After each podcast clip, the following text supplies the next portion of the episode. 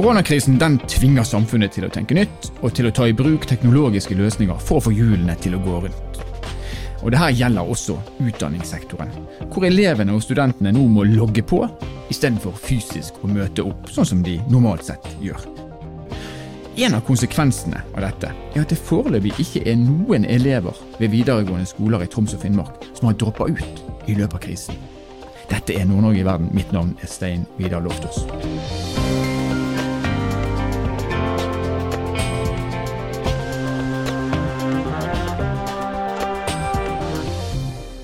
Litt senere i sendingen så skal vi snakke med gründeren bak en nordnorsk suksessbedrift innenfor e-læring. Og vi skal også snakke med Kompetanse Norge, som skal svare på hvilke konsekvenser koronakrisen vil ha på utdanningssektoren. Men aller først, ingen elever ved videregående skoler i Troms og Finnmark har altså droppa ut i løpet av koronakrisen. Det var det NRK Troms og Finnmark som meldte for noen dager siden. Og eh, Børre Krutå, du er divisjonsdirektør for næring og kompetanse i Troms og Finnmark fylkeskommune. Hva er årsaken til at elevene nå blir værende? Ja, jeg tror eh, den rett og slett ligger sånn grovt sett på, på, to områder. Det viktigste området er nok det at at den digitale uh, undervisninga som har foregått nå, den, den, ser ut for å egentlig passe bedre for de elevene som normalt kanskje ville ha, sånn statistisk ville ha slutta på skolen i denne tida. Eh, og det andre tror jeg rett og slett er at uh, i denne tida så fører ikke skolene i Norge fravær. Og det skaper noe slags sånn litt sånn mer romslighet for elevene, og, og, rett og slett eh, ikke har det der presset på seg med, med den, altså det å ikke være til stede fysisk på skolen har medført fravær, og da har det vært en stor grunn for at de har slutta. Ja. Altså de som har høyt fravær, er overrepresentert på statistikken for, over de som, som, slutter på skolen. Altså rett og slett går ut døra og ikke kommer tilbake mer. Så det er nok begge delene. Men hva, hva er det normale frafallet, da? Altså normale frafallet, altså Først må jeg nesten si at frafall er et begrep som i, i skoleverden er de som fysisk slutter på skolen. Mm. Mens at uh, man ofte blander sammen frafall og gjennomføring. Du kan ha gjennomført med at du har måte, vært på skolen ut skoleåret, men la oss si du har strøkket på en eksamen eller strøkket på en eh, standpunktskarakter eller fått en IV, altså ikke vurdert. Så har du fortsatt eh, måte, vært på skolen, du er ikke frafallen, men, men, du har ikke fullført mm. og gjennomført. Så de som faller fra, altså de som slutter, de er det cirka, i Troms og Finnmark er det ca. 4% av elevene. Og det vil si at det er på et ja, I 2019 for eksempel, så var det 377 elever, og det er jo, det er jo ganske mange. Mm. Det er jo en middels skole i Troms og Finnmarkssammenheng. Ja. Så såpass mange er det i løpet av et år som eh, sluttet. Og tallene nå, det er altså nesten ingenting? Ja, altså I denne perioden som korona har rasert for oss, altså etter vi begynte med den digitale biten, så har ikke vi fått meldt inn noen Nei. som har slutta. Det kan kanskje være noen, eh, noen som er litt forsinka med innrapportering, sånn som det er med andre, andre ting i koronastatistikken, men, ja. men, det er ikke noe tvil om at det er færre som har det betydelig, betydelig færre som har slutta i den tida, mot normalt. Hvis det ikke hadde vært korona, så ville jeg sånn rundt omkring en plass 20-30 elever i Troms og Finnmark ville ha slutta og gått ut døra og ikke kommet mer tilbake. Altså, skal Vi selvfølgelig ikke, vi skal passe oss for å være etterpåkloke, for det er jo det er for tidlig ennå. Men mm. har vi vært for lite flinke til å tilpasse utdanningsløpet til den enkelte elev? Vi trenger ikke være forsiktige med å si det. Det er ingen tvil om at svaret er ja. Altså, vi, norsk skole, og også skolen i Troms og Finnmark, det er ikke, det er ikke tvil om at vi ikke er gode nok til eh, tilpassa opplæring. Altså det å tilrettelegge for, den, for, de faktiske ungdommene vi har, og ikke for de ungdommene vi skulle ønske vi har. Mm. på en måte. Det er her et signal til oss i skolen om at det er mulig å nå flere, treffe flere hjemme, rett og slett, eh, hvis vi, hvis vi tilrettelegger og tilpasser litt, mer og litt annerledes. Et annet spørsmål som i hvert fall jeg er interessert i å høre noe om, det er dette med digitalisering av eh, si, lærer-elev- eller lærer-student-dialogen. Man kan jo for så vidt forstå fort hvordan man gjør det i grunnskolen eller i rene teoretiske fag, men når det gjelder yrkesfaglige studieretninger, hvordan, man, eh, hvordan klarer man da å digitalisere en, eh, et undervisningsopplegg for en som skal bli tømrer, f.eks.? Ja, det er vanskeligere, men det er ikke umulig. Eh, men det kan ikke være fullgodt eh, med digital undervisning for de rene praktiske fagene, på den måten som andre mer teoretiske fag, de vanlige fellesfagene mer. Men eh, det går godt an å gjøre ganske mye, og det har både tømrere og elektrikere og andre praktiske yrkesfag rundt omkring i Norge nå gjort i denne tida. De har hatt ganske mye av undervisninga digitalt. Men den delen som ikke var mulig å gjøre digital, den er det som har vært grunnen for at de utdanningene har vært prioritert eh, for å komme først inn i skolen. Eh, og de, og de har jo vært inne nå i to uker allerede, og hvor man har bygd om timeplanen sånn at man har fått vektlagt akkurat den delen som er håpløst og umulig å gjøre digitalt. Men det er ganske mye av de som også er, har nytteverdi hvis man gjør det digitalt. Altså. Og det er mange kreative bevis for eh, rundt omkring i, i skolene for tida. Mm. Og, og, det vi har lært så langt, altså nå er vi ikke krisen over på noen som helst måte, men det vi har erfart, det vi har lært så langt, hvis vi ser litt frem i tid, når vi har lagt koronakrisen bak oss, hva tror du kommer til permanent forandre seg i, si, i metoder osv.? Ja, jeg tror at, eh, at, vi har jo hatt tidenes eh, boost på digitalisering av skoleverket i Norge, eh, samtidig med alle. Det her, hvis vi skulle ha gjort det vi har gjort nå, uten at det har vært en sånn krisesituasjon, så har sikkert skoleverket i Norge brukt flere år på det. Så vi har jo lært at skal vi forandre noe, så skal vi bare eh, prioritere det, og så skal vi gjøre det, og alle skal gjøre det samtidig. Det må, det må vi i hvert fall ha lært når vi skal innføre nye f.eks. digitaliseringer. Men vi må jo også nå ha lært at undervisning og opplæring som det offentlige skal drive med, altså for, på vegne av samfunnet, det gjør, må gjøres for de faktiske ungdommene i den faktiske tida de lever i, og ikke for det som har vært før, eller for sånn som vi som er der i skoleverket fra før av, skulle ønske at det var. Det viser seg jo at det går an faktisk å utøve mye opplæring som nødvendigvis ikke er bakom en pult inn i klasserommet. Vi trenger det også, ikke sant? men eh, det her har jo vist oss at vi må kunne bryte ned en del stengsler og barrierer både inn i hodene våre og, og også i fysisk, eh, i måten vi tenker undervisning og opplæring på. Det her bør gjøre at vi endrer forståelsen av tilpassa opplæring i, i, i, landet, fordi at det er ikke bare en pedagogisk metode. Det er tvert om først og fremst et syn på læring. Først og fremst et syn på ungdommer som må ligge til grunn. Og da, hvis det er det det dreier seg om, så kan vi gjøre mye, mye, mye mer med den skole, skolehverdagen vi har hatt før. Og det bør vi nå ha lært eh, av denne tida. Tusen takk for at eh, du var med oss, Børre Krutå, divisjonsdirektør for næring og kompetanse i Troms og Finnmark fylkeskommune. Takk skal du ha.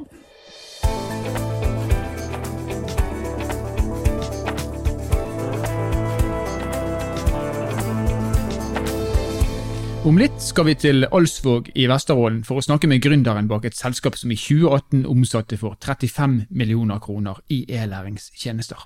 Men først skal vi se på hvor langt digitaliseringen har kommet innenfor utdanningssektoren. Og Nå har vi med oss Mona Mathisen, som er seksjonsleder for utdanning.no. Velkommen til oss, Mona. Tusen takk. Utdanningssektoren har på mange områder ligget etter i bruk av teknologi, spesielt når det kommer til høyere utdanning. Og Det er ikke bare Norge, dette gjelder mange land i verden. Hvorfor tror du at det er sånn? Jeg tror det er to ting. Det er tradisjon og finansiering. Og eh, på tradisjon så er det jo at det tar lang tid å legge om eh, arbeidsvaner. Og spesielt når du er i et system hvor det eksisterende eh, fungerer. Finansiering, det kan jo være tidligere så var utdanning.no eid av Senter for IKT i utdanninga. Og da var, hadde senteret noen prosjekt mot universitetet som skulle etablere nettbaserte studier i matematikk. Og her har du en sånn, Det kan være ganske dyrt å etablere et sånt nettbasert studium med digitale læringsressurser. Men det kan også være noen ting med at eh, finansieringsmodellene kanskje ikke er godt nok tilpassa det nettbaserte, som gjør at det kan ha vært litt tungt å komme i gang med å etablere det her. Mm. Men hvor mange studier er det mulig i dag å gjennomføre helt uten fysisk oppmøte, altså helt digitalt?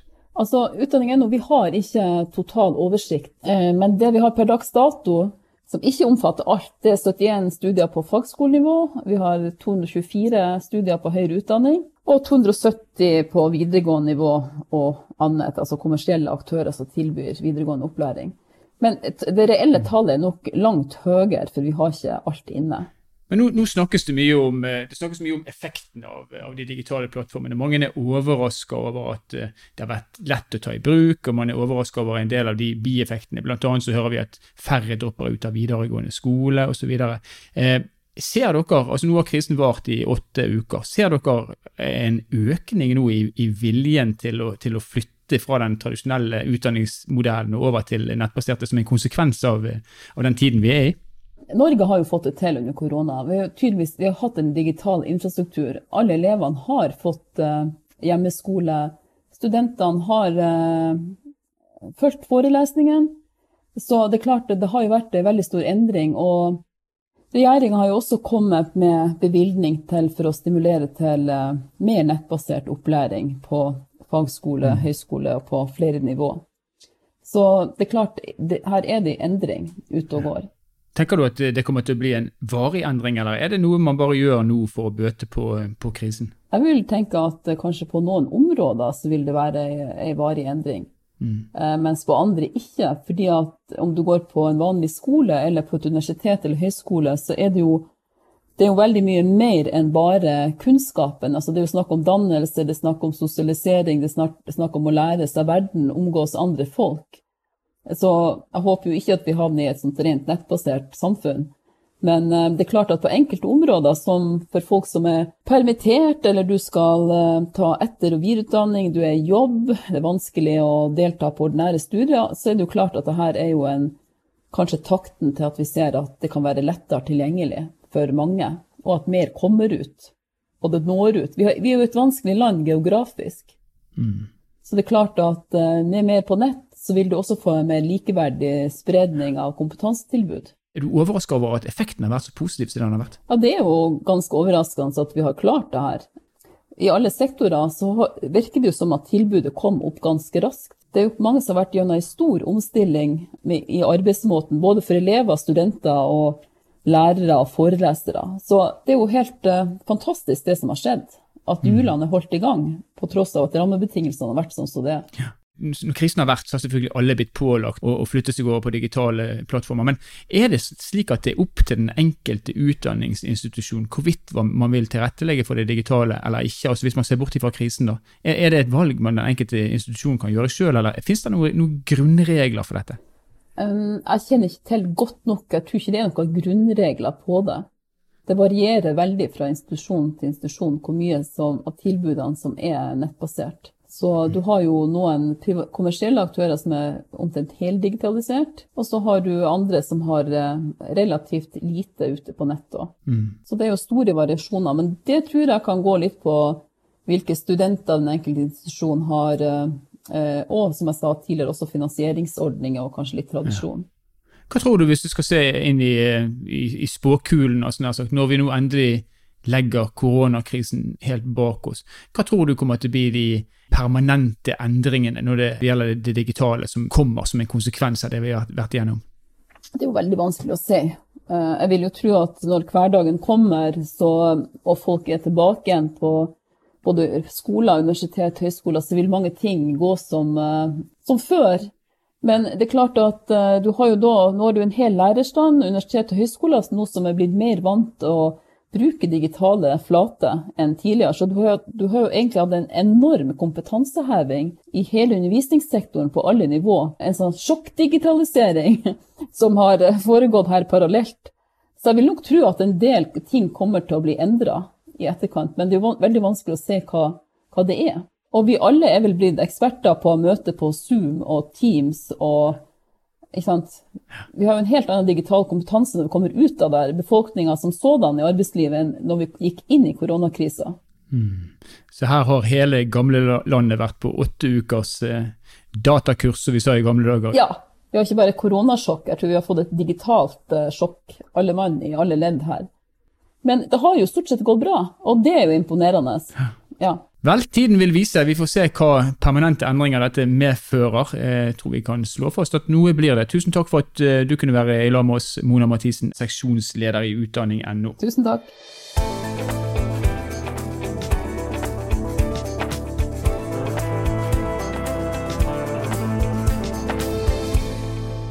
Nå skal vi til den lille bygda Alsvåg i Øksnes kommune i Vesterålen, og der finner vi Tommy Noreng, som er gründer og daglig leder i e-læringsselskapet Serpus AS, som ble starta for 18 år siden. Og I dag så teller selskapet rundt 20 ansatte, og de har avdelingskontor i Bodø og i Karlstad i Sverige. Velkommen til oss, Tommy. Takk for det. Du, nå er jo vi er midt i koronakrisen ennå, selv om kanskje vi begynner å se enden på det. Men e-læring og dette med digitale verktøy for det, det har jo virkelig vært i vinden i den krisen. Men du har drevet på med e-læring siden 2002. Hva er historien bak Serpus, firmaet ditt? I eh, år 2000 så tok jeg doktorgraden i molekylær cellebiologi ved Universitetet i Oslo. Og da hadde jeg gått på skole og drevet på med undervisning i 25 år. Og da reflekterte jeg liksom underveis. Jeg følte at jeg, jeg huska lite og kunne lite. Jeg tenkte, Hvor i verden var all kunnskapen blitt da? Jeg følte meg litt sånn der, 25 år det har jo kosta mye både for samfunnet og for meg. Så, så, da tenkte jeg at kunne ikke moderne datateknologi ha hjulpet meg til å huske og, og bedre og lære bedre? Og I 2002 så avslutta jeg karrieren min som, som, forsker og flytta hjem til uh, Alsvåg i, i Øksnes i, i Vesterålen. Og, og, etablerte bedriften Serpus. Og vi har siden da jobba med å utvikle teknologi for, for læring på, på internett. Og hva, hva, er det dere tilbyr? Hva er det slags tjenester dere tilbyr, i, i, litt mer i detalj? Ja, vi, har, vi, vi, tilbyr egentlig to, to, produkter. Det ene det er jo eh, mennesker. Altså menneskelig hjelp til å lage læringsteknologi eller læringsinnhold. Det er også kalt konsulenter. Så vi, vi har både teknologer og innholdsekspertise. Mm. Så det er det ene produktet. Og så har vi jo en, en, serie med produkter på nettet. Vi har et produkt som heter edlib.com. Det er et verktøy for å lage og dele læringsressurser. Og så har vi edstep.com som et verktøy for å lage og gjennomføre kurs mm. på nett. Og så har vi gamilab.com som er et nettsted for å lage pedagogiske spill på nett. Men når det gjelder opplæring, der, der har jo, altså, menneskeheten har jo på en måte forfekta de samme metodene i jeg hadde nær sagt tusenvis av år. En som snakker fysisk foran andre, gjerne skriver på en tavle osv. Så mm. Sånn som du ser det, hva er, hva er, de store fordelene med å bruke digitale plattformer, og, og, og hva, hva, mister man på den andre siden? Ja, Det er jo interessant du sier uh, dette med hvor lenge vi har holdt på med det her. Jeg, jeg tenker som så at uh, at den menneskelige sivilisasjon, altså menneskelig hjerne har utvikla seg over tusenvis av år, og sivilisasjonen kommer etter hvert. og Det er jo først i din i de siste 100 årene de har begynt f.eks. å lese. Eh, og det er jo en forutsetning for, for, mye av det vi kaller for moderne læring. Mm. Jeg tenker jo at læringa egentlig er i en slags steinalder. At vi, vi vet egentlig fryktelig lite om hvordan vi lærer best og mest optimalt. Men om eh, digitale plattformer er et eh, Hvor mange fordeler det har? Vel, jeg, tenker jo umiddelbart at distribusjon eh, er jo en stor fordel. Altså, det er mulig å nå flere med de produktene man har, og dermed så blir det jo mulig for, for flere å kunne velge mellom mange produkter. Så mangfold er en stor eh, fordel. Så tenker jeg også at det er gjennom å gjøre ting multimedialt med levende eh, bilder, og gjøre det interaktivt og bruke sånne typer spill, konkurranseelementer, så, så vil jeg si at kanskje digitale plattformer er mer engasjerende for læring enn de si, analoge, som, som, som bok, f.eks. Mm. Og så er det jo kanskje det som, som ligger mitt hjerte nærmest, det er jo muligheter for tilpassing. Altså Hvis man tenker seg en bok, så det, det, eneste du kan gjøre, det er jo egentlig å hoppe over ei side eh, for å tilpasse det som står i boka. Ellers vil jo boka være lik for alle som skal bruke det læremiddelet. Mens digitalt, vel, det er i hvert fall teoretisk mulig å kunne endre og tilpasse alt innhold til det enkelte. Og, og nå hører vi at det ikke er registrert frafall i, i videregående skoler i Troms og Finnmark kan du si under koronakrisen. Og da er det vel, eh, ut ifra det du sier nå, du er vel ikke spesielt overrasket over akkurat det, da? Nei, men, men jeg har en liten sånn eh, jeg har en liten sånn her, han, eh, kan si, kjepphest. Altså. Jeg, jeg, bruker å si at skolen er jo skapt for uh, frafall. Altså, altså, det vil alltid være noen som faller fra. Noe som er så uniformt og lite tilpassa som en institusjon med klasserom, lærere og mye teori der man skal sitte stille for ikke å forstyrre andre. Mm. Det er min faktisk største innvendelse mot skolen.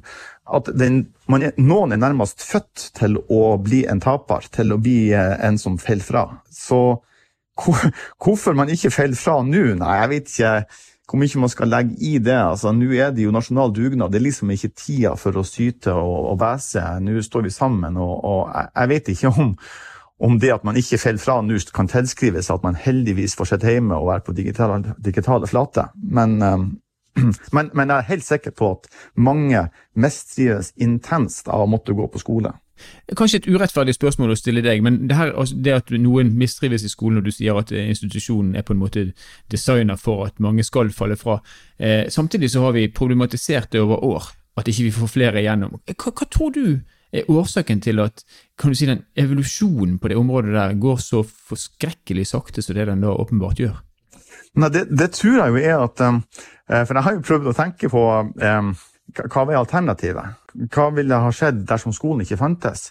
Og jeg tror jo at det går veldig langsomt, for at det er faktisk et behov for å oppbevare folk et sted.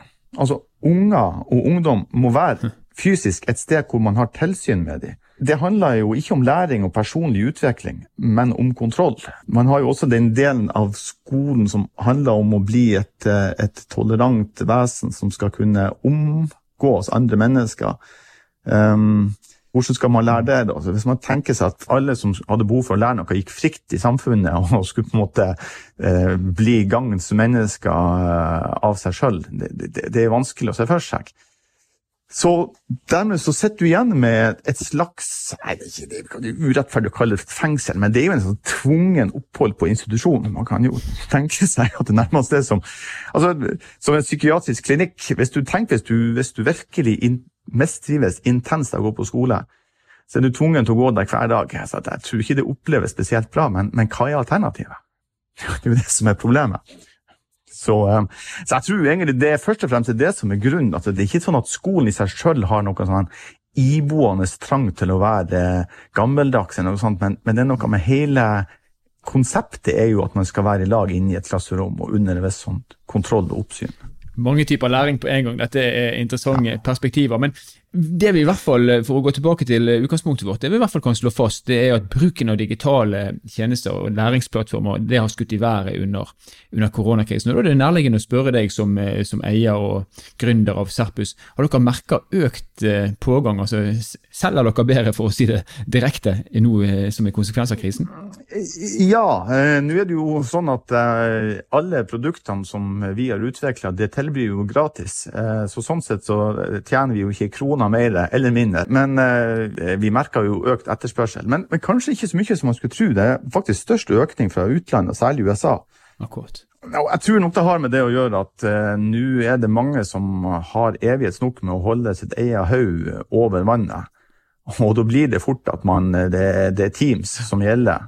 Så jeg, jeg håper jo det kommer ei tid for refleksjon over hva som virker, hva som, som ikke virka etter det her. og så ble det bare undervisning, eller ble det også læring ut av dette? her? Det eh, håper jeg nå at man eh, bruker ja, eh, sommeren og, og tida framover til å tenke på.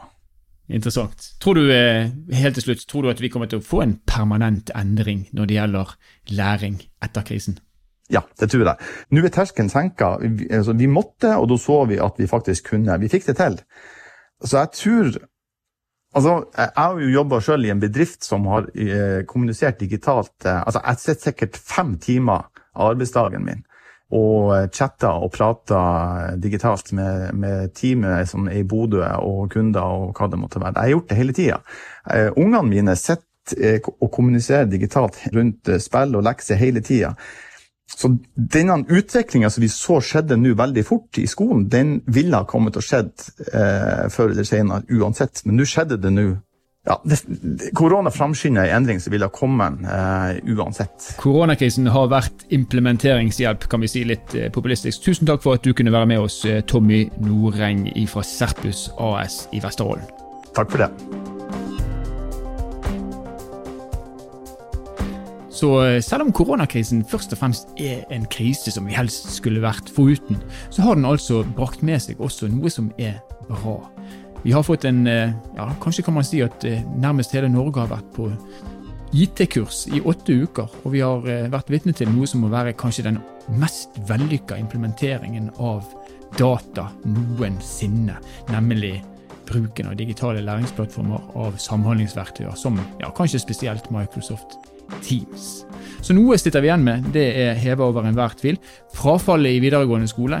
Kanskje er det slik at det er noe vi kan få bukt med nå, når vi kan i større grad tilpasse opplæringene våre, sånn at elevene ikke lenger trenger å være på skolen hvis de absolutt ikke vil være på skolen. Det blir spennende å se hvordan fortsettelsen blir. Spesielt spennende blir det å se om vi får en gummistrikkeffekt når alt er over, nemlig at vi vil gå rett tilbake til sånn som det var, eller om vi får permanente endringer. I denne episoden av Nord-Norge i verden har du fått uh, møte Børre Krutå, du har møtt uh, Mona Mathisen, og du har møtt Tommy Nordeng.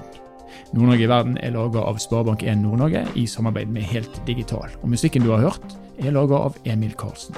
Mitt navn er Stein Vidar Loftaas, og vi høres igjen i neste episode.